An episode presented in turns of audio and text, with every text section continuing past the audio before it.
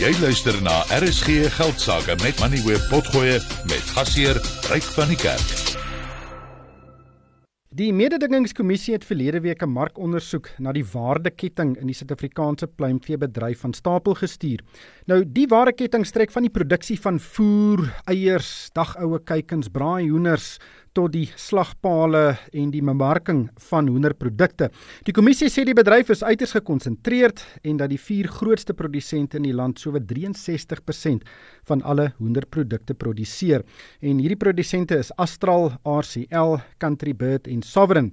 Hoender en eiers is baie belangrik in die Suid-Afrikaanse mark want omtrent 65% van alle proteïen wat Suid-Afrikaners inneem, kom van hoenders en eiers.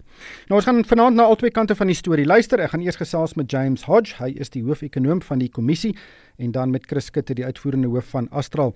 James, thank you so much for your time today. Just give us a bit of background. Why did the commission launch this market inquiry? Maybe to start with, it's important to locate what is an inquiry versus an investigation because they're very different instruments. So, a market inquiry, you could say, is almost a tool used to try and improve competition. It's not an investigation of a single firm and let's say, individual conduct. It looks at a market holistically, and we are able to look at the suppliers to that industry as well as the customers and how their conduct also affects on this industry. So I think, as you indicated in your introduction, I mean, the poultry industry is an incredibly important industry, not just on the production side for the economy and the jobs and value add it creates, but also for the consumer. It is such an important protein. And whilst we recognize this industry has had short term challenges from exactly load shedding and avian flu, we're taking more the longer term perspective of this industry. And I think the important question with an industry of this size and nature is whether there are factors that are impeding competition that either might be pushing prices higher than they ought to be, hurting consumers, or keeping out others who also want to participate in this industry and grow and bring some rivalry and dynamism to it. But it is that context as it has formed posed focus areas. So all we've done at the moment is release a draft terms of reference so it is precisely to get that consultation, get that feedback.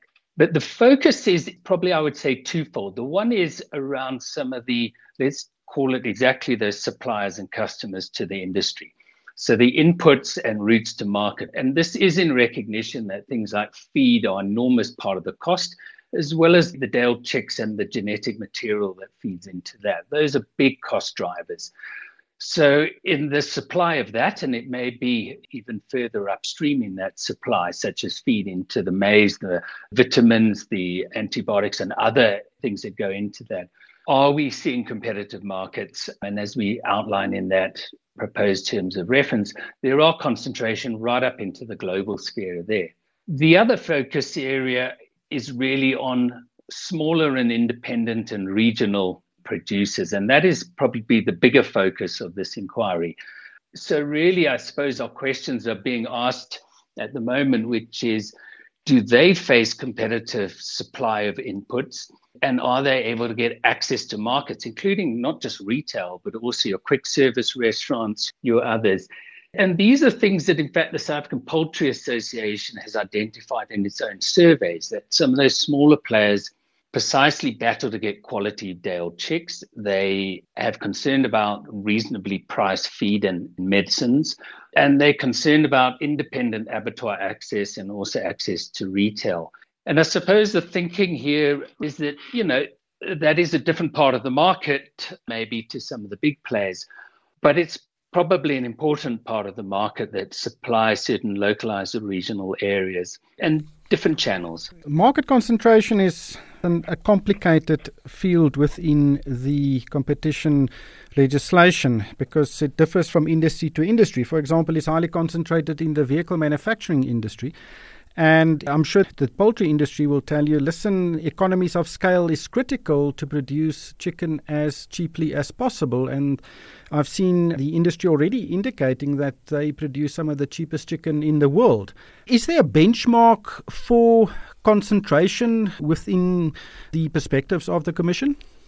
Yeah, I mean, you're right. This is complex and often is determined by things like the capital structure, exactly as you said, maybe some of the potential for economies of scale. And there is a mantra that concentration doesn't necessarily mean there's a problem. And that's why there's not an investigation, there's an inquiry that we're exploring here. But I think what features we picked up just in the terms of reference in which we were considering exploring here is the fact that the poultry industry is quite interesting because there is a lot of, in fact, contract growing. So, whilst one may say scale economies is also outsourced to much smaller players, but that contracting does tie them into the larger business that then has the access to those retail markets and quick service restaurants. And those sort of arrangements may or may not prevent independent competitors emerging. And of course, we can question the benefit of those independents as well. But as I said, they may play an important role, or it may spread the benefits of the growth of this industry. But those sort of contracting, for instance, have come under a lot of antitrust or competition exposure in the US, and there's been a number of cases being run there. And the other is just where, because they are vertically integrated, the only question we're asking there at the moment is whether the fact that you supply yourself and your competitors, does that mean that those competitors are also getting fair access and fair pricing or fair quality? And that's a natural question one asks of any vertically integrated player. The fact is, in some areas, these big players have third parties competing, and we're certainly interested in that broader dynamic. But in other areas, they're the only one. So it is a fair question, we think, to be asking in this context. But there's no preconceived notion of what we will find. I think to go back, this is too important an industry to not be asking some of these questions and at least ensuring they're answered, even if it's to say, we're happy that that is not an issue. The industry was quite surprised when the announcement was made of this inquiry.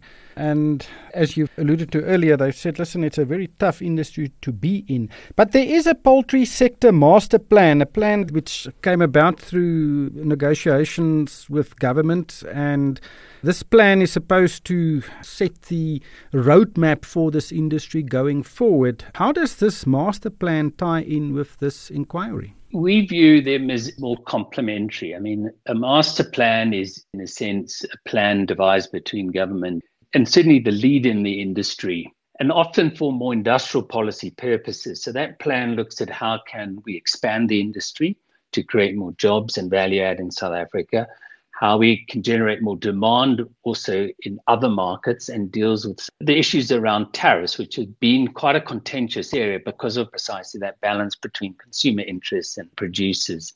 But we don't see a master plan as fundamentally trying to look at whether there are features affecting competition in the market. And that is our mandate and our role. And I think in a negotiation between industry and government, that is not likely to be a central element of trying to improve output, localize production. So we see it as complementary, and certainly because we know and we've acknowledged because we've looked at this in our essential food price monitoring reports, the industry has battled in competitiveness. There has been this very high profile tension between imposing the tariffs and increasingly more tariffs versus the consumer effect of that. So that's why we think, whilst you've got a master plan and you've got a tariff policy, this is a third piece of the puzzle in many respects that we need to ensure that at least the competition side is working, especially for all players in the market, not just about a couple, just so that when we do look at what we need on the tariff side, we're not leaving out the fact that we could have improved something internally, especially if it's an input or route to market or distribution, especially if it may be, as I said, more local or regionalized markets where smaller players can bring lower prices because they've got lower costs, even if it's just logistics otherwise, to consumers. I know sometimes the Commission undertakes investigations following a complaint. Did this process start due to a complaint from the industry or outside the industry? No, so the inquiry is often initiated based on our research and also engagement with maybe a broader set and what is important to consumers or the economy at a particular point in time. So we have done a lot of work in poultry.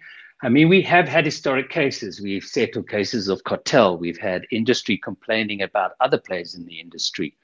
So we've had historical complaints that have been resolved around being tied into buying your breeding stock from your competitor. So there has been that aspect, which suggests that this is an industry that's not without a competition, not necessarily a concern, but not without competition issues that might surface in different ways.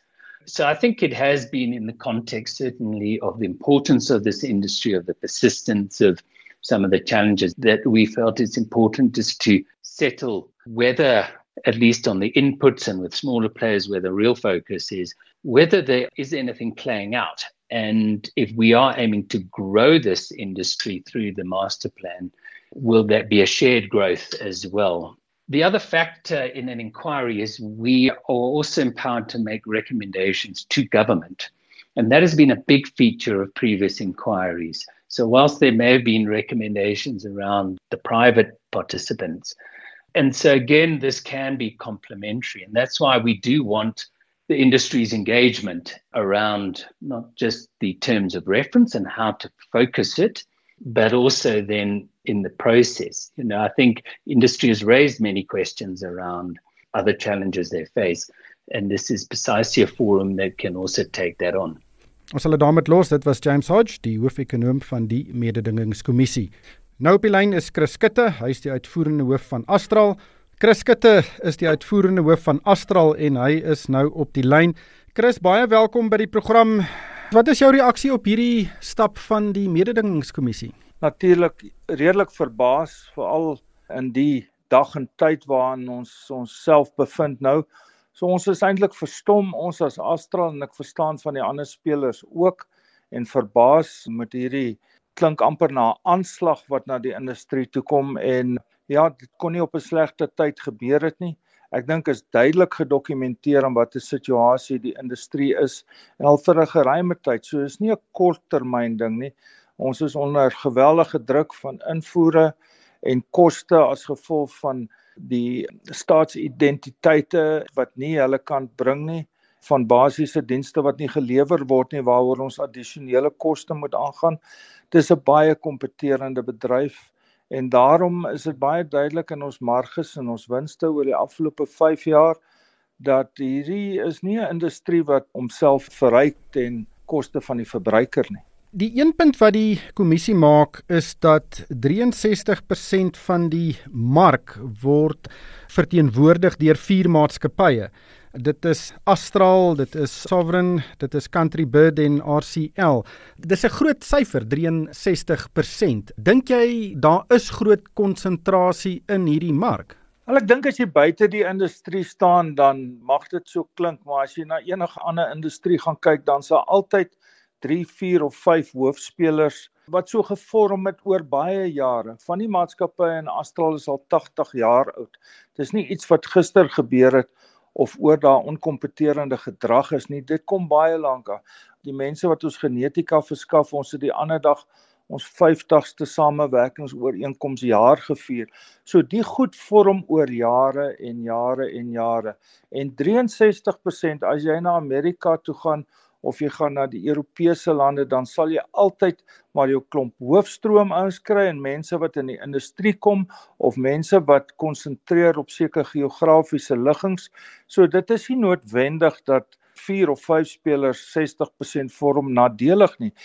Die kompetisie tussen daai spelers is ook so streng en as jy nie dit het nie, dan kan jy dalk sien dat spelers wat in gesegmenteerde markte is, bo marginale marges gaan maak. Maar hierdie industrie is so kompeterend dat jy draai jou sente om elke dag net om aan die lewe te bly. Ek dink dis een van die punte van die mededingingskommissie en James Hodge het dit ook nou net gesê en dit is dat hierdie gevestigde maatskappye en die strekking van hulle teenwoordigheid in al die vlakke van die waardeketting maak dit baie moeiliker vir kleiner spelers om die mark te betree. Wat dink jy van daardie siening? Maar hoe dan nou so? Gewoonlik begin jy in industrie iewerste of aan die begin of aan die einde of in die middel en dan integreer jy verder juis om jou kostes te bestuur Nou hoekom bestuur jy jou koste is om bekostigbare produkte op die mark te sit en 'n bestaan te maak en jou winste te vat en te herbelê in jou maatskappy of dan in 'n verdere integrasie. Nou dis wat ek persoonlik in die industrie al vir jare doen. Ek is 40 jaar in die industrie en indien jy winste maak dan ploeg jy terug in die industrie en jy kyk altyd vir geleenthede waar jy kan geïntegreer opstroom of afstroom. Hoe kan ek verder integreer om my kostes en my produksieketting te bestuur? Nou dit is nie 'n ongewone ding nie. As jy byvoorbeeld na Amerika toe gaan en ons kyk ook na daai modelle of Brasilië, dan word groter maatskappye en die middelklas maatskappye word versoek om verder te integreer om koste te bestuur. Daar word ook gevra dat daar 'n groter konsentrasie moet wees want dit is een manier om jou koste af te hou. Nou in Suid-Afrika, seker waar ons in die suidelike halfrond is, doen ons nou alles anderste om. Hier word ek elke dag deur die minister gekonfronteer, die minister van landbou en sê investeer in die industrie, investeer, groei en skep werk. Dan doen jy dit en dan 'n paar jaar later sê iemand o, jy's nou te groot. Al die wins wat ons maak word drieledig versprei. Eerste betaal jou belasting, dis 'n derde. Die gedeelte wat oorbly word gebalanseer tussen kapitale projekte om te integreer of om jou produksieketting te verbeter of om 'n reeks van ander voordele by te bring. En aan die ander kant die geld wat oorbly word gewoonlik versprei na jou aandeelhouers wat oor jare in hierdie industrie belê het. Uit die sake wat die mededingingskommissie in die verlede ondersoek het, was 'n kernpunt die onvermoë van kleiner spelers om 'n mark te betree want die groot maatskappye beheer dit basies nou dit is 'n siening wat James Hodge ook gehuldig het en ek dink dit is die kernpunt van wat hulle wil ondersoek en dit is ook 'n tendens wat mens kan sien uit hulle vorige ondersoeke. Hulle wil hê kleiner spelers moet kan 'n mark betree en meeding. En dan natuurlik elke bedryf het sy uitdagings en dis meer, maar ek het 'n vermoede dis waarop hulle gaan konsentreer indien hierdie saak nou van 'n ondersoek of 'n voorlopige ondersoek eskaleer in 'n volwaardige saak in. Wel, hulle is welkom te kyk. Daar is geen beheer oor enige mark in Suid-Afrika As jy kyk na hoe sterk ons kleinhandel kettingwinkels is, hulle moedig juis kleiner produsente dag tot dag aan om te produseer en hulle te nader sodat daar ook nie 'n dominansie van enige aard van verskaffer in hulle wêreld is nie. So ek beleef dit daagliks dat kleiner produsente het al hoe meer toeganklikheid na die kettingwinkels toe. Hulle kan enige dag enige mark betree. Ek kan dit nie keer nie geen produsent in SAPA kan keer as iemand 'n mark benader nie. Natuurlik is daar sekere behoeftes. As jy nou gaan kyk na jou kitskosrestaurante, dan staan baie hoë standaarde. Ons word deur die KFC's en die Nando's en die Spurs maandeliks geauditeer vir gehalte en beheer ensovoorts. So jy moet daaraan voldoen. En as jy nie daaraan voldoen nie, gaan jy nie in daai mark inkom nie. En dit kos alles geld wat hoender duurder maak. So daar is geen manier nie. Elke voermaatskappy in die land wat geïntegreer is in die groot spelers sit met spaarkapasiteit wat hulle maar te graag aanwend om voer te verskaf aan buiteprodusente. Nou daai kompetisie is so streng, niemand kan 'n bo-natuurlike marge gaan verhaal daar in die mark nie. Die kompetisie is net te groot en dit sal ons kan bewys in enige ondersoek dat hierdie is 'n kompeterende bedryf en daar's vir my altyd een toets. As ons hierdie massiewe winsmarges gemaak het ten koste van die verbruiker of 'n ander speler dan sou dit mos blootgestel word. Die feite lê in Astral se geïntegreerde jaarlikse verslag. Daar's 'n hele koste model. Dit wys daar presies wat ons wil is geauditeer. So daar is nêrens vet in hierdie industrie nie. Dis 'n hond eet hond industrie van dag tot dag wat harde werk en 'n klomp fokus benader. Niemand gaan in hierdie industrie wat 'n hoë risiko industrie het As iemand nou vir my sê na die huidige voelgriep pandemie, hy wil nou in teelmateriaal gaan belê, dan moet hy baie mooi weer gaan dink want dit is waar jaar ons 600 miljoen rand moes afskryf sonder hulp van enige van hierdie regering instansies wat wil ondersoek. Chris, dankie vir jou tyd. Dit was Chris Skutte, hy's die uitvoerende hoof van Astral. Jy het geluister na RSG Geldsaake met Money where potgoe elke weeksdag om 7 na middag. Vir meer Money where potgoe, besoek moneyweb.co.za of laai die toepassing af en volg Moneyweb News om dagliks op hoogte te bly.